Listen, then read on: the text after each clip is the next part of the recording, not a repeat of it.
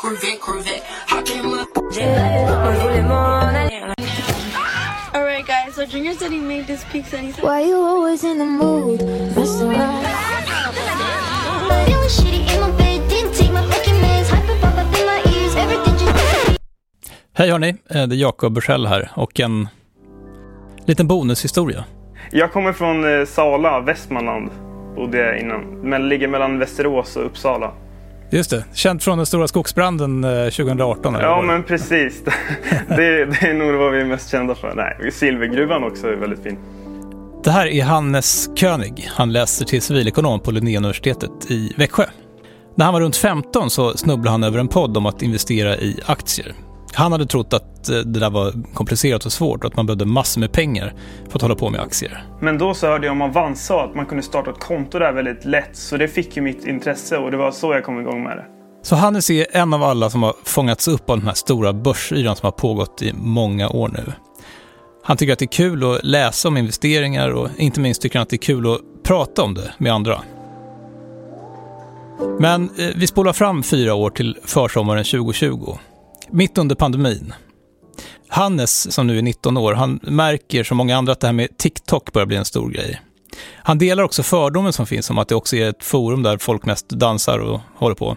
Men skaffar ett konto och inser att det kanske finns lite mer än så. Och då testade jag att ladda upp en video där jag höll uppe på överstrykningspennor vid rinnande vatten. Och grejen var att folk väntade på att jag skulle stoppa in pennorna i vattnet och för att se om det skulle bli som en regnbåge. Men i själva verket så var det bara en loop. Så videon gick bara om och om igen och folk kollade väldigt länge. Det var alltså bara en skämtvideo men den fick flera hundratusen visningar vilket jag tyckte var väldigt häftigt. Den här videon, vi har ljudet från den nu, den är otrolig. Man, man- man får klåda i huvudet av att kolla på den. Och Hannes, han får blodad tand av framgången i den här filmen. Då tänkte jag att det här var ju väldigt coolt att man kunde få en sån räckvidd. Tidigare har jag hållit på med Youtube-videor och liknande och tycker att sociala medier är väldigt kul. Men jag hade aldrig sett en plattform där man kan få en sån stor räckvidd och spridning när man just har kommit igång. Så Hannes lägger upp någon till liten skämtfilm som han hittar på tills han en dag kommer på att han ska lägga upp en film som handlar om pengar.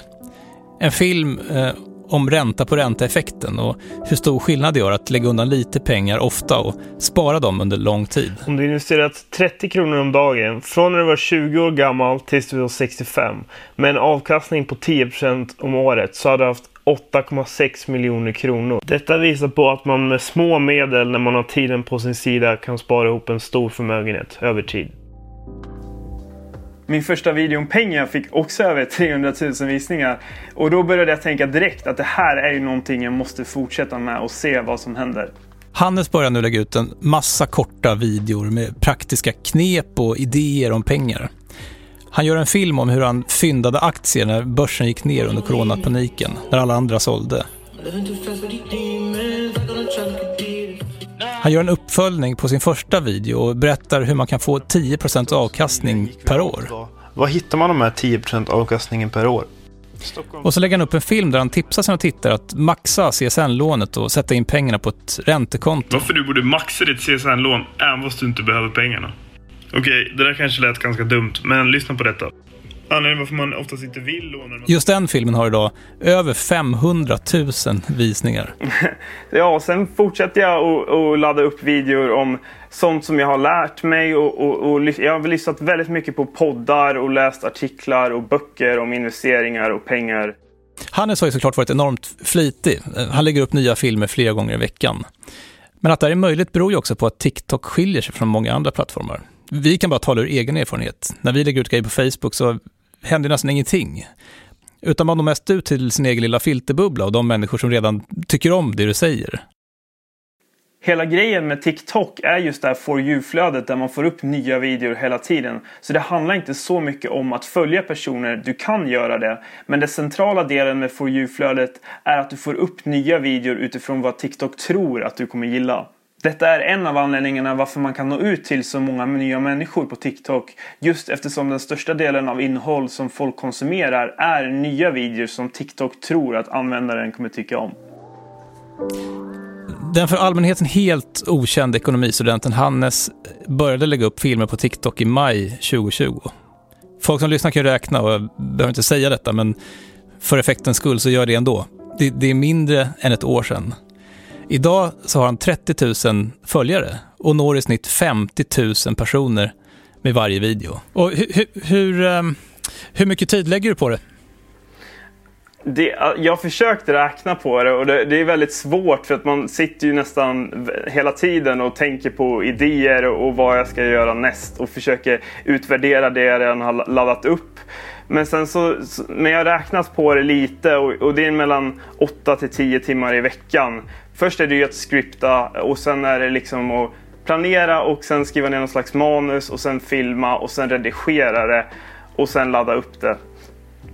Gör du allting själv eller? Ja, jag gör, gör allting själv. Mm. Vad kommer hända, hända sen tror du? Ska, ska, du sluta plugga nu och bara satsa på, på TikTok eller vad, vad vill du göra? Nej, men jag ser plugget som en bra, vad man ska säga, som en bra Eh, backup-grej. Och sen så jag håller på med TikTok som en hobby eller vad man ska säga som ett sidoprojekt. Som jag tycker är väldigt kul. För det, det har alltid varit en, eh, ett intresse för mig. Så jag tycker det är jättekul att få prata om det på TikTok och nå ut till så många människor. Och det var allt. Hannes König alltså, kapitalets själsfrände på TikTok. En otrolig bedrift.